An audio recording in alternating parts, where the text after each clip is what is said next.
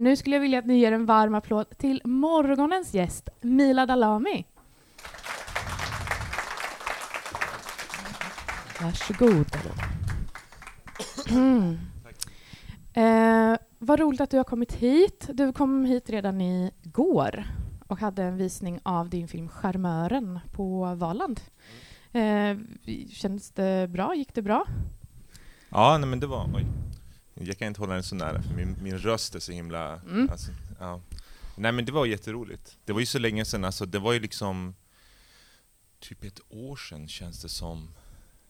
Det var så länge sedan jag pratade om den, så jag var lite nervös. Jag var mer nervös, Viktor. Jag var mer nervös än vad jag trodde jag skulle vara. Mm. Men det var väldigt roligt, alltså, det var liksom ett bra gäng och det var bra stämning. Så. Men Vi kommer prata ganska mycket om Charmören, så du kommer få fräscha upp dina minnen igen. nervös. Eh, och om ni har några frågor, eh, ni är hemskt välkomna att ställa dem eh, när ni vill. Ni räcker bara upp handen så, så kör vi det. För vi håller bara på till klockan tio. Det kommer gå hur snabbt som helst. Så eh, har ni en fråga, vän, ni behöver liksom inte vänta till, ni behöver inte vänta till sist.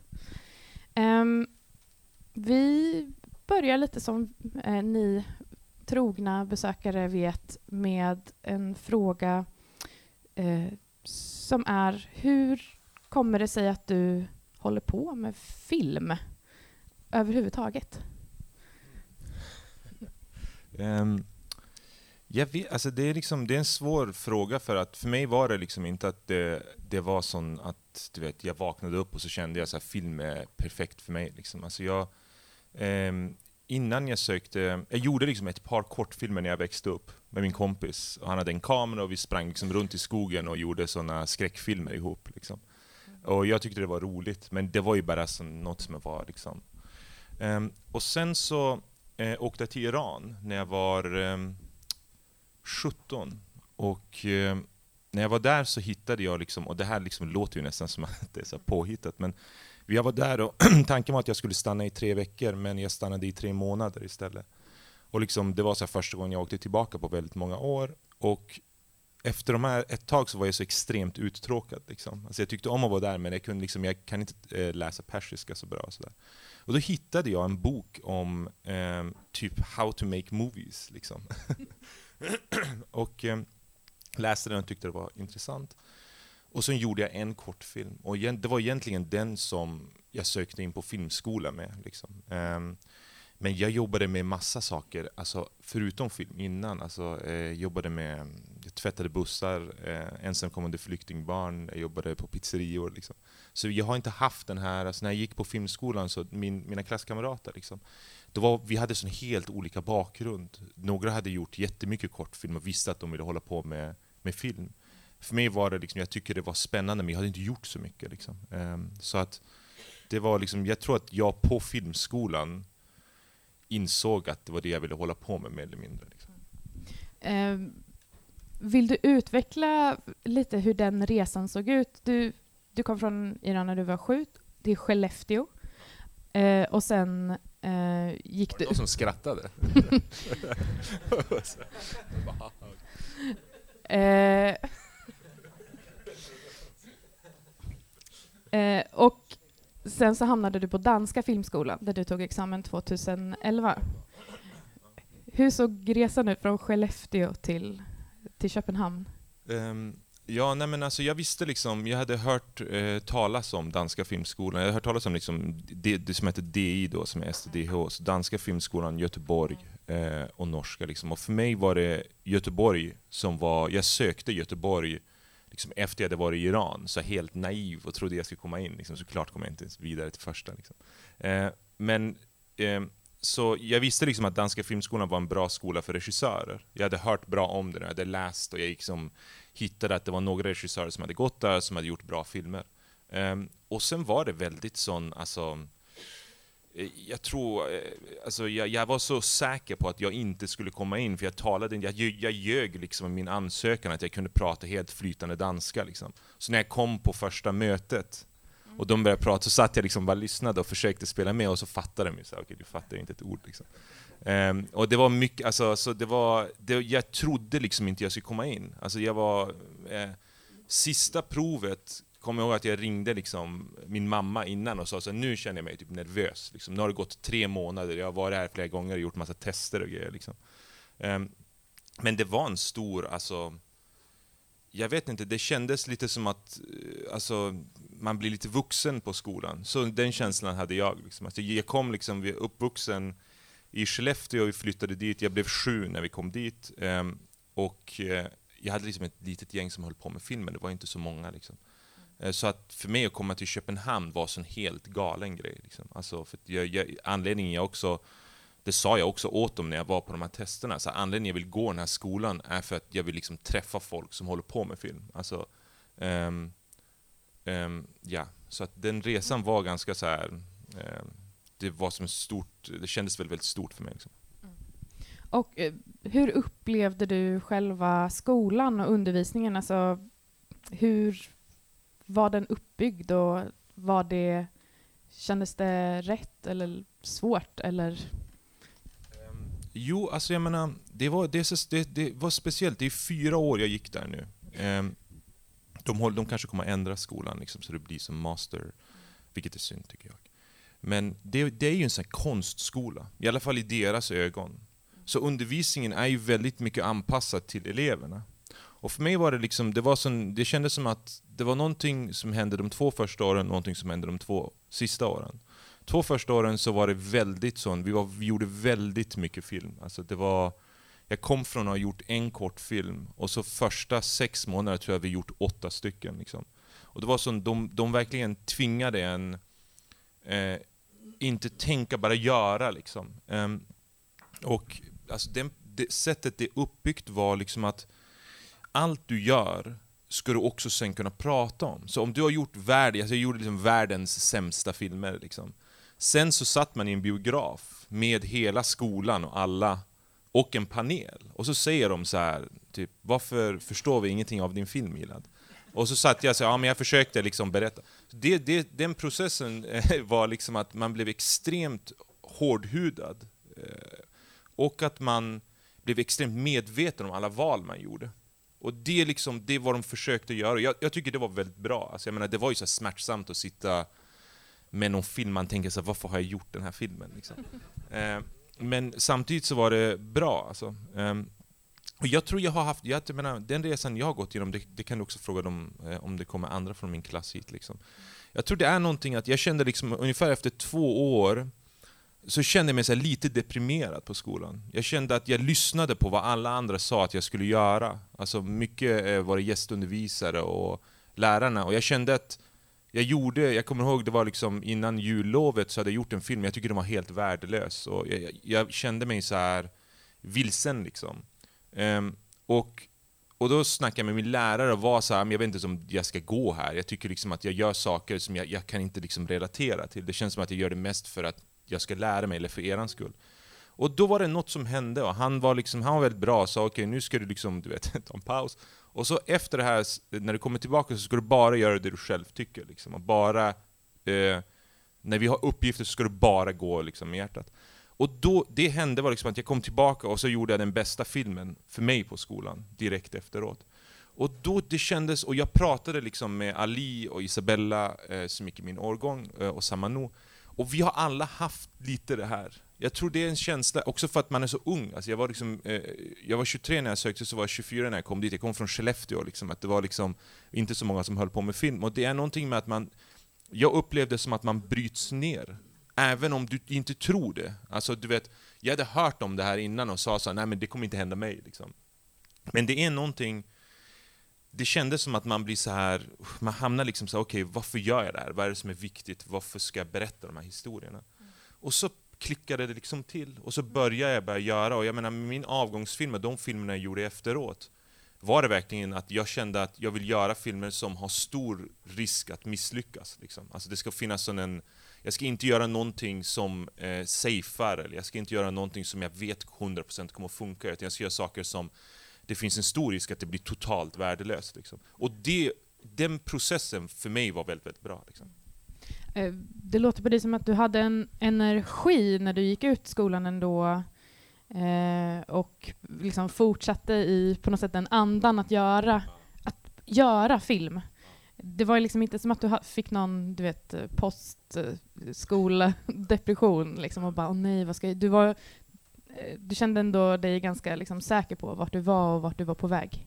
Ja, jag tror det är jätteviktigt. Alltså, jag menar, vi snackade om det där, liksom, alltså att um, uh, det är också så från årgång till årgång, vår årgång var bra på det där. Alltså när vi gick ut, alltså sista sex månader satt jag och väntade på liksom, att kunna göra filmer utanför skolan. Uh, och jag tror den energin var väldigt, väldigt bra. Så är det andra som gick i, i, i min klass och som, som inte hade det. Som kände att de liksom Eh, istället för att liksom gå ut och nu ska jag fucking visa, liksom, så hamnar de där nere. Liksom. Och det, det tar ju tid. Liksom. Det är så individuellt. Men jag menar, vi var så himla bra, alltså vår årgång, de, vi var så extremt olika. Och alla våra filmer var så olika. Och, eh, men vi blev så himla tajta liksom. Så att eh, sättet vi gjorde efter filmskolan var också att vi hjälpte varandra väldigt mycket. Liksom. Alltså, ehm, Ja, och det, det kändes som att vi, alltså även om någon var så ah, men jag kan inte få jobb eller jag vet inte om det här är rätt projekt, så var vi väldigt så stöttande. Och jag tror det var det som gjorde att det gick bra. Liksom. Jag får en sån vision att om så 20 år så kommer man, eh, kommer man prata om den här årgången på Danska filmskolan, att de kommer så paketera er till någon slags eh, grupp. Och eh, ni, ni, får liksom bara fortsätta skörda, lite, skörda framgångar, helt enkelt. Du nämnde, kan bara säga, du nämnde din klasskamrat Ali, det är Ali Abassi som har regisserat Gräns, som precis gick på biografer här. Och, eh, den går fortfarande. Den ska ni se. Absolut. Den är bra.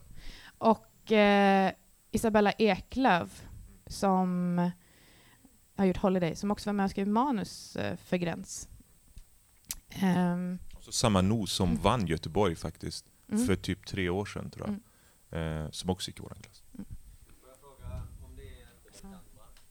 Frågan var alltså, eh, upplevde du att det blev en bubbla på skolan eller hade ni liksom kontakt med övriga filmvärlden i, i Köpenhamn och i Danmark? Alltså det där var liksom det positiva och negativa med skolan. Alltså, jag menar, det var en bubbla.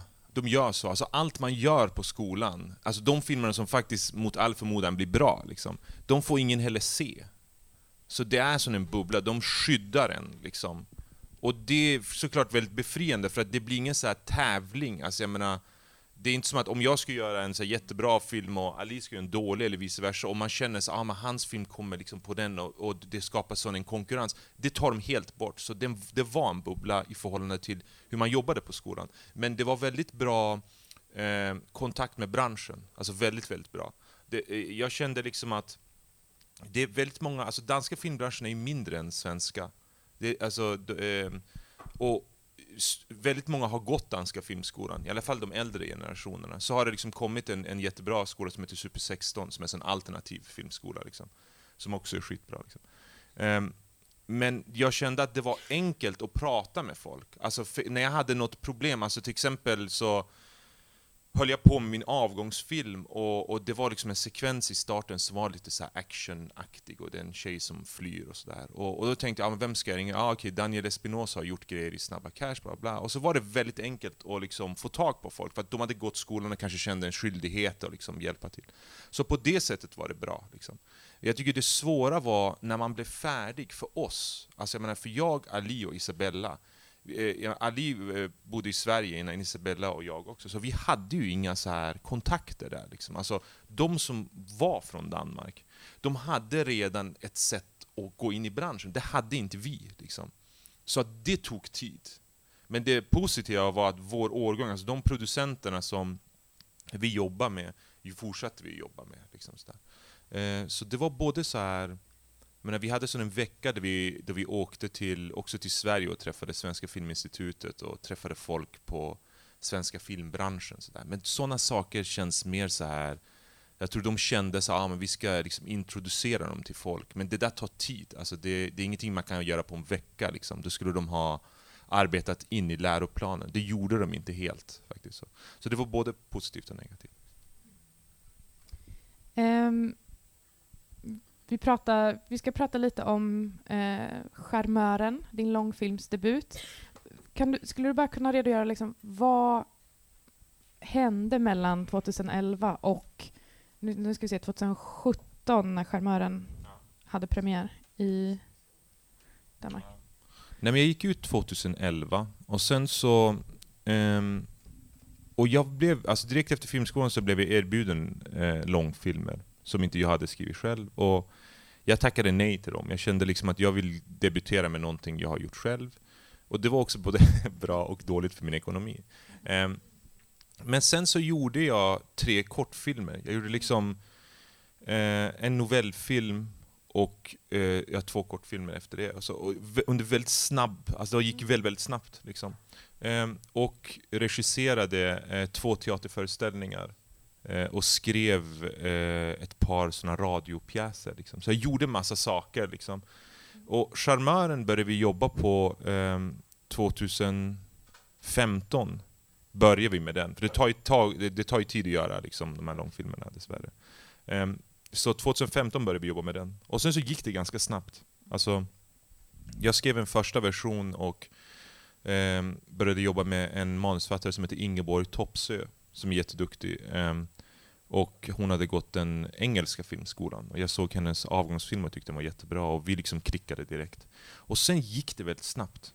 Alltså, um, så jag kände, alltså jag menar det där man kan prata så här, ah, men någon sa så här, men det tog ändå så här tid att komma med sin första film. Det var inte så mycket för att, eh, du vet, det var inte för att inte man hade tillfällen att göra filmer. Alltså det, var, det var mer att så här känna så okej okay, jag vill liksom komma med något som betyder någonting för mig. Och ibland tar det liksom, du vet, eh, jag menar den filmen, det tog ända till 2017 när den hade premiär liksom. Min nästa film är nästan, alltså vi har liksom, den är färdigskriven och den ska vi börja spela in nästa år. Så plötsligt gick, går det mycket, mycket snabbare liksom. Men jag tror det var viktigt att, att det tog den tiden. Ehm, och det tror jag liksom, alltså, det kan ju de prata själva men jag tror både Ali och Isabella hade liknande upplevelser. Alltså när vi gick ut Danska filmskolan, då skrev pressen liksom att vi var så den extrema årgången. Liksom. Och vi var galna och, och, och liksom, vi passade in till branschen och du vet, vi var såna bråkstakar. Liksom. Och då var det väldigt många som tyck, tyckte inte så mycket om oss. och så nu har alla vänt och sagt liksom att ja, men det var den årgången det gick bra för. Liksom. Och det är liksom, sådana saker kan man inte styra. Liksom. Ehm, men eh, ja, jag, jag gjorde väldigt många olika saker. Liksom. Ehm, vill du berätta lite kort vad Charmören handlar om? Hur många är det som har sett den? Upp med en hand. Ja, men det är ganska många. Men Ni får se den, det blir hemläxa. Det Mm. går inte längre i biografen, ni får ladda hem den helt enkelt. Liksom, eh, nej men det handlar om en man som heter Esmail som har bott i Danmark i två år. Och eh, han har inte uppehållstillstånd och försöker hitta ett sätt att stanna kvar i landet. Och eh, det enda som i hans huvud liksom ger mening, det är om han träffar en kvinna som han kan övertyga eh, och gifta sig med. Så vet han så, okay, det här sättet, det här vet jag, det finns en chans att jag kan stanna kvar. Och så går det såklart väldigt dåligt för honom. Eh, och han blir förälskad, vilket är det värsta som kan hända honom. Och samtidigt så är det mm, saker från hans förflutna som hinner ikapp honom. Och den är liksom, det är en, det är en film noir. Alltså, jag är väldigt intresserad av som film noir och som psykologisk drama eller thriller.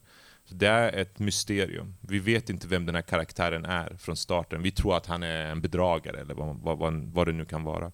Och så genom filmen så får man pusselbitar som ger ledtråd och vänder våran bild hela tiden om vem han är. Och sista liksom, pusselbiten faller i slutet liksom, av filmen.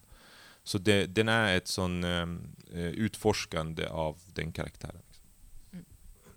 Ehm, hur gick, eh, alltså rent praktiskt, manusarbetet till? Samarbetet, hur såg samarbetet ut? Eh, nej men alltså det var lite speciellt för att det var första gången jag och Ingeborg jobbade ihop. Eh, och eh, jag skrev ju så, det var liksom, jag hade en idé om den här filmen och, om, och, och, och den här historien, och så skrev jag en första version av den. Och då, tanken var att jag skulle skriva den själv. Och, men samtidigt så jobbade jag med en annan kortfilm. Och jag kände så här, det var så befriande att jobba med någon i manusrummet, för det är så ensamt. Alltså jag tycker liksom att, jag menar, nästa film har jag skrivit själv, men det var egentligen vill jag jobba med andra. Liksom. Att det är så ensamt att sitta själv. Liksom. Och jag, ty jag tycker det är roligast med film att jobba med andra, liksom, att det blir ett samarbete. Och eh, Ingeborg, eh, Ingeborgs avgångsfilm hade jag sett på en festival. Och den, det var en film som The Volume, som var jätte, jättebra. Alltså, jag tror den faktiskt finns på Vimeo gratis. Eh, Eh, och, och då kontaktade jag henne och hon hade, då hade hon tillfälligtvis precis flyttat tillbaka till Danmark. Och så processen var ju lite att vi satt, jag berättade så okej, okay, jag skriver den här idén, vad tycker du? Liksom. Och hon tyckte så ah, okej okay, det är potential i det här men du har inte skrivit det så bra Milad. Liksom. Och sen så jobbade vi efter det och då satt vi typ två veckor och eh, bröt ner det manuset jag hade skrivit. Och så jobbade vi liksom med den nästa versionen. Och det var väldigt bra för att den versionen vi då skrev, eftersom vi hade gått igenom hela manuset och brutit ner den och liksom gått igenom, okay, vad är det som är viktigt med filmen och vad är det vi ska säga och varför, hur kan man berätta en historia om en karaktär som är ett mysterium utan att tappa publikens intresse och alla de här tankarna. När vi väl var färdiga med den versionen så var det i stort sett direkt vi fick stöd. För den var så genomarbetad. Och, och det var liksom, jag tycker det var väldigt häftigt. Liksom. Alltså för mig också, eh, att jobba med Ingeborg. Sådär. Um, hur, du pratade lite det om, om det nu, hur du kom i kontakt med, med Ingeborg och varför du valde att arbeta med henne. Hur har du valt eh, de andra personerna som du har velat arbeta med med den här filmen? Alltså, filmen är ju fotad av Sofia Olsson, som, eh, om ni har sett Sameblod, hon har fotat mm. den. Liksom. Hon är, jag, jag, tycker, alltså Sofia gick årgången över mig på filmskolan, och hon gjorde en regissör som heter Runar Runarsen, en isländsk regissör. Som, jag tycker hon var sån...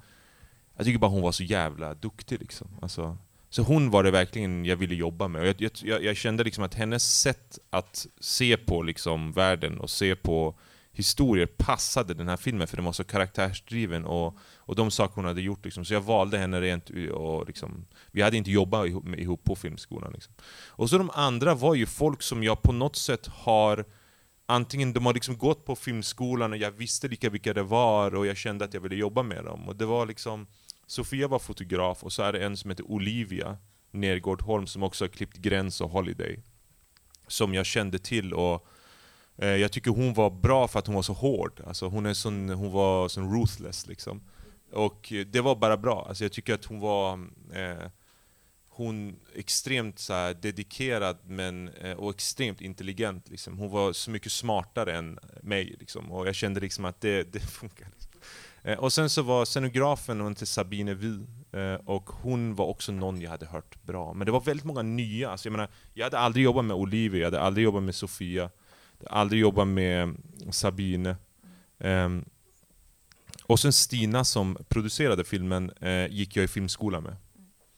Uh, och Bo som gjorde ljudet gick jag också i filmskola med. Så det var en kombination av folk som jag hade jobbat med tidigare och folk som jag ville jobba med. Liksom. Men det var väldigt mycket, alltså, jag, menar, alltså, jag skickade liksom, alltså, de fick läsa manuset, så satt vi och pratade om det. Och jag kände att de hade liksom något, något alltså du vet, det var inte som att de var så ah, okej okay, vi gör det exakt som du vill ha det och det är fantastiskt. Det var verkligen, de kom med andra idéer. Och det gjorde också Sofia, liksom, att hon, hennes sätt att se på ISO, hon hade verkligen några andra idéer. Och det också samma sak med Ingeborg. Liksom, att jag tycker för mig, samarbeten funkar bäst när man liksom skapar någonting och sen så kan det bli så tusen gånger bättre. Liksom, om, om man ska liksom släppa, man måste vara så kreativ åt bägge hållen. Liksom. Um, så att, ja, det var de. Eh, min nästa fråga var egentligen eh, varför tror du att de ville arbeta med dig? Och eh, det kanske är... Jag hade pengar. Liksom. Ja, ett, pengar. Men, och också det här med att man faktiskt släpper in folk i den kreativa processen. De får möjlighet att lägga in någonting. Ja, men jag tror det är en kombination av liksom att, att, att de kanske kände liksom att det var att jag var liksom öppen inför samarbeten. Men också för att det gör, alltså jag menar, om man tittar på film i Danmark eller i Sverige, det görs inte så jättemånga filmer som försöker utmana liksom, filmmediet på det där sättet. Och jag tror de kände att det var spännande. Alltså jag menar, något som jag lärde mig från den här filmen var så här att eftersom vi hade jobbat så mycket med manuset, så fick jag allt annat. Liksom. Alltså det manuset gjorde att jag fick alla skådespelare jag ville ha, alla var med i filmen. Eh, ehm, all finansiering vi fick. Och det var liksom verkligen för att det, det var något annorlunda i det. Och folk, alltså jag menar för mig, man sitter och skriver ett manus själv i ett år och så tänker man, ah, okej, okay, du vet, hoppas folk tycker om det. Men det är många, alltså jag menar, skådespelare och, och finans, de läser ju så mycket skit. Liksom. Och jag tror att vi lyckades skriva någonting som ändå var hade någonting liksom, som ändå var annorlunda. För en dansk film som är lite på persiska och engelska, lite på danska, en film noir, eh, väldigt annorlunda historia. Jag tror det var liksom anledningen många var intresserade av det. Liksom. Hur eh, blev filmen mottagen i Danmark? Jo, alltså den blev bra mottagen. Alltså, folk var väldigt positiva och tyckte om den. Men som allt annat liksom, arthouse-film så är det inte så stor publik till den. Liksom. Jag tror det var typ 5000 som såg den i Danmark. Och det är liksom vad de hade estimerat med. Och det är ju så här, alltså, jag vet inte, man kan liksom bli mörkrädd. Alltså, jag tänker på det här, liksom, man sitter och jobbar med en film i, i, i två år. Och sen så, jag kommer ihåg innan Charmören hade premiär i Sverige så så att jag pratade med eh, distributörerna. Och jag, det var efter Gabriella hade vunnit med Amatörer. Och jag, jag tänkte att den här filmen kommer liksom, du vet, så 500 000 se, för det är, det är en komedi. Och, bara, och, så, så, och så fick jag de här, så berättade de att ah, det är typ 20 000 som har sett den. Liksom. Och jag blev bara så här, man blir lite så mörkrädd av det. Så att jag är väldigt glad att den har kommit ut, och det är klart jag önskade liksom att fler kunde se den, men det känns också som att man, har, man, liksom, man ser på film på ett annorlunda sätt. Alltså, jag menar, det enda exemplet jag kan komma på där det lyckades, det var Amandas film Sameblod.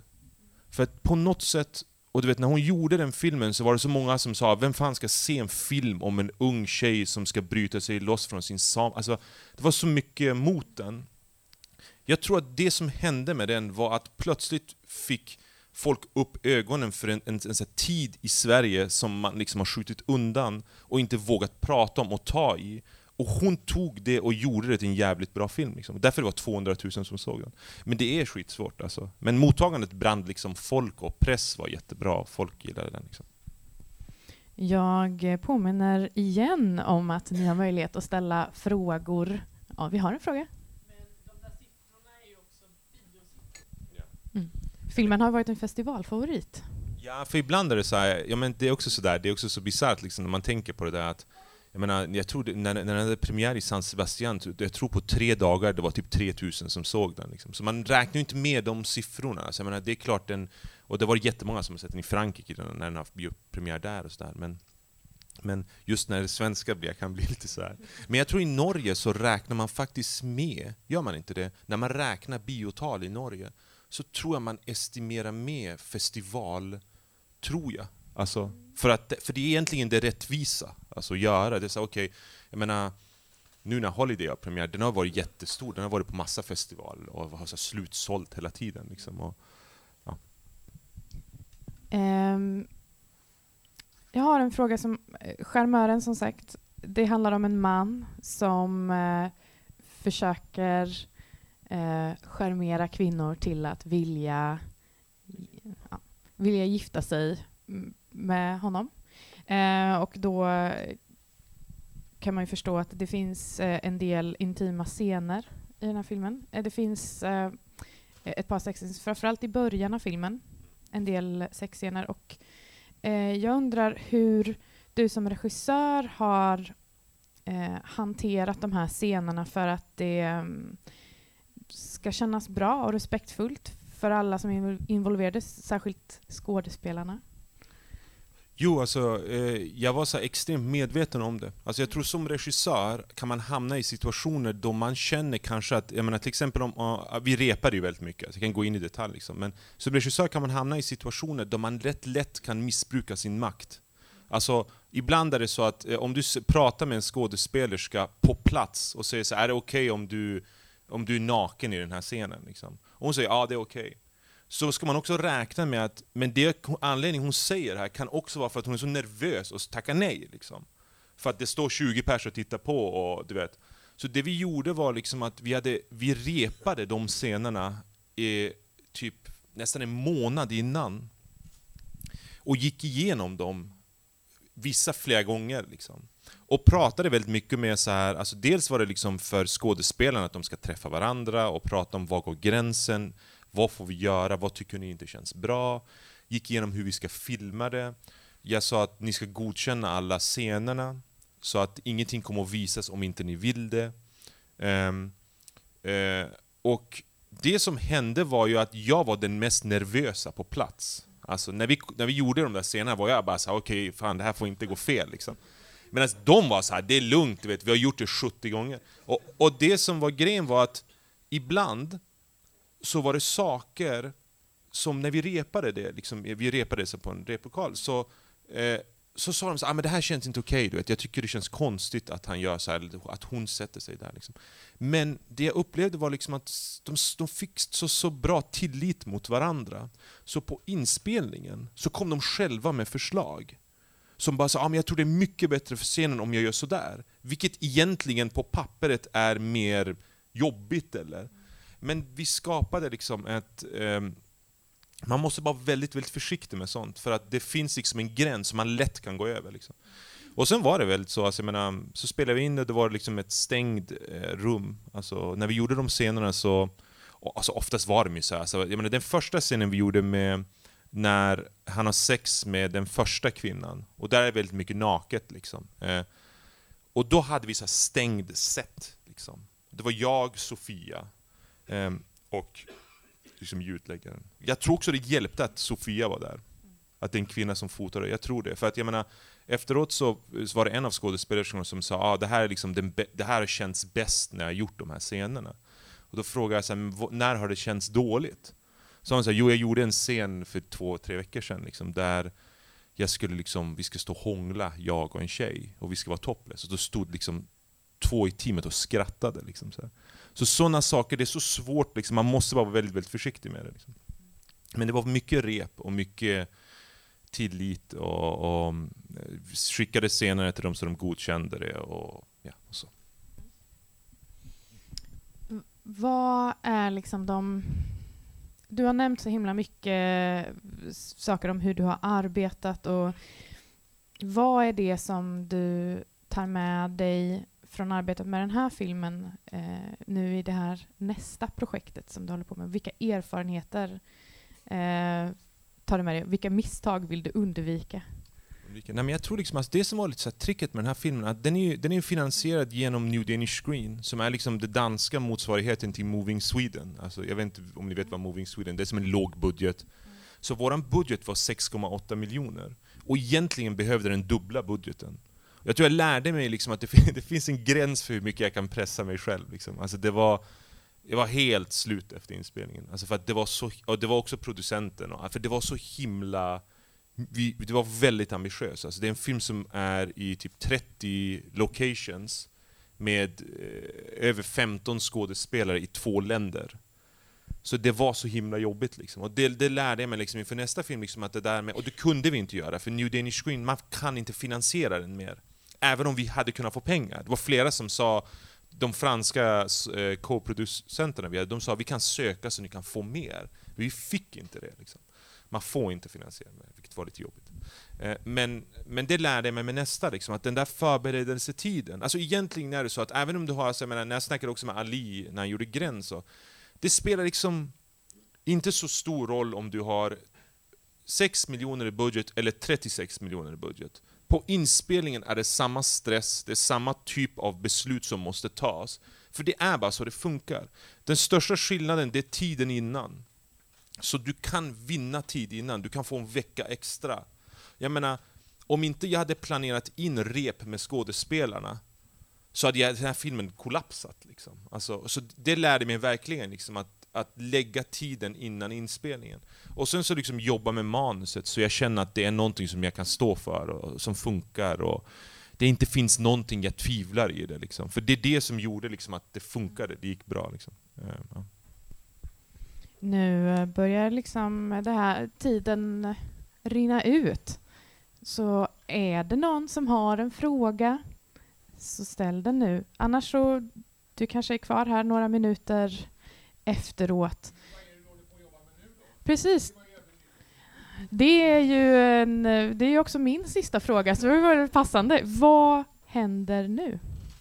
Eh, nej men jag håller på med en svensk långfilm som vi ska spela in eh, nästa år. Och det är en eh, psykologisk eh, thriller som utspelar sig i sån olympisk brottningsmiljö i norra Sverige.